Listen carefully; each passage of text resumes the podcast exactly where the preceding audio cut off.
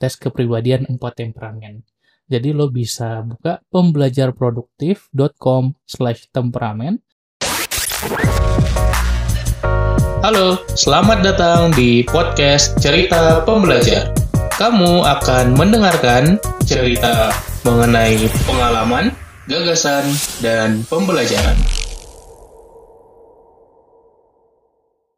Cerita Pembelajar Season 8 You ask, I answer Lo tanya, gua jawab di podcast gua.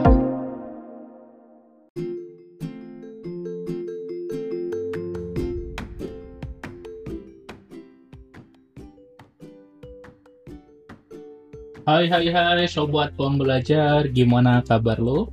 Semoga sehat selalu dan bisa terus bertumbuh jadi diri yang lebih baik lagi.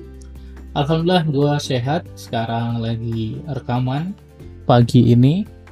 Hari juga cerah dan menyenangkan, so gue senang banget bisa memulai hari ini dengan rekaman di pagi hari. Oke, okay, jadi di episode ini seperti biasa ya, kita bakal jawabin pertanyaan-pertanyaan yang masuk di Instagram gue. Kalau lo mau tanya juga boleh langsung DM gue aja ya di Instagram at pembelajar produktif. Pertanyaan kali ini dari Arif underscore Al-Hanafi. Gimana mengasah skill awareness bang? Yang mengarah ke pikiran dan perasaan. Oke ya, jadi kita bahas self-awareness kali ini. Self-awareness itu adalah pondasi dari self-development. Ya, self-development itu luas banget ya. Banyak banget jurus-jurus pengembangan diri. Skill-skill pengembangan diri yang bisa kita pelajari tapi sekali lagi sebagaimana rumah punya pondasi sebelum kita bangun semuanya, pohon yang tumbuh tinggi pasti punya akar yang kuat. Sama dengan self development yang baik itu pondasinya adalah self awareness. Bagaimana kita bisa mengenali dan memahami diri kita sendiri. Pada akhirnya caranya itu banyak gitu ya. Banyak banget yang bisa kita bahas dalam self awareness mulai dengan memahami nilai diri kita, tujuan kita, goal kita, apa kelebihan dan kelemahan kita, bagaimana cara kita berpikir, cara kita bernalar, kemudian bagaimana kita bisa tahu kebutuhan dan keinginan kita, termasuk juga kepribadian kita. Satu hal yang ingin gue bahas di sini, karena tadi pertanyaannya lebih ke konteks thinking and feeling. Coba deh mulai dengan mengetahui dulu kepribadian lo apa Kenapa? Karena kalau kita mulai dari personality atau kepribadian kita, kita akan mudah mengetahui mengenai cara kita berpikir, cara kita berperilaku, dan kelebihan kelemahan kita. Kenapa sekarang mudah?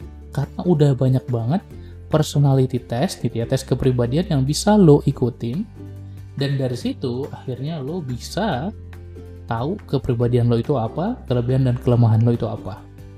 Oke? Okay? Nah, kemudian gimana caranya? Nah, banyak banget sebenarnya tes kepribadian yang ada di luar sana. Cuma gue bakal share yang gue bikin sendiri. Ya, banyak sebenarnya tes kepribadian, tapi nggak banyak yang bagus. Dan yang bagus biasanya berbahasa Inggris. Jadi gue bikin yang versi berbahasa Indonesia-nya di website gue. Jadi ini termasuk fitur baru deh di website gue. Namanya tes kepribadian 4 temperamen. Jadi lo bisa buka pembelajarproduktif.com slash temperamen. Sekali lagi, pembelajarproduktif.com slash temperamen. Dan di situ lo bisa lihat gitu ya, ada sanguinis, melankolis, koleris, dan pragmatis. Empat tipe kepribadian berdasarkan empat temperamen dan lo bisa ikut tesnya nanti. Di tes itu lo bisa tahu kepribadian lo seperti apa dengan menjawab 40 pertanyaan. Ya, jadi cukup akurat karena cukup banyak pertanyaan yang uh, diberikan. Tapi tenang aja, nggak lama banget kok tesnya mungkin sekitar 5-7 menit aja. Ya, jadi nggak usah terlalu dipikirin, jawab aja sesuai naluri lo dan insting lo, dan nanti lo akan dapatkan hasilnya.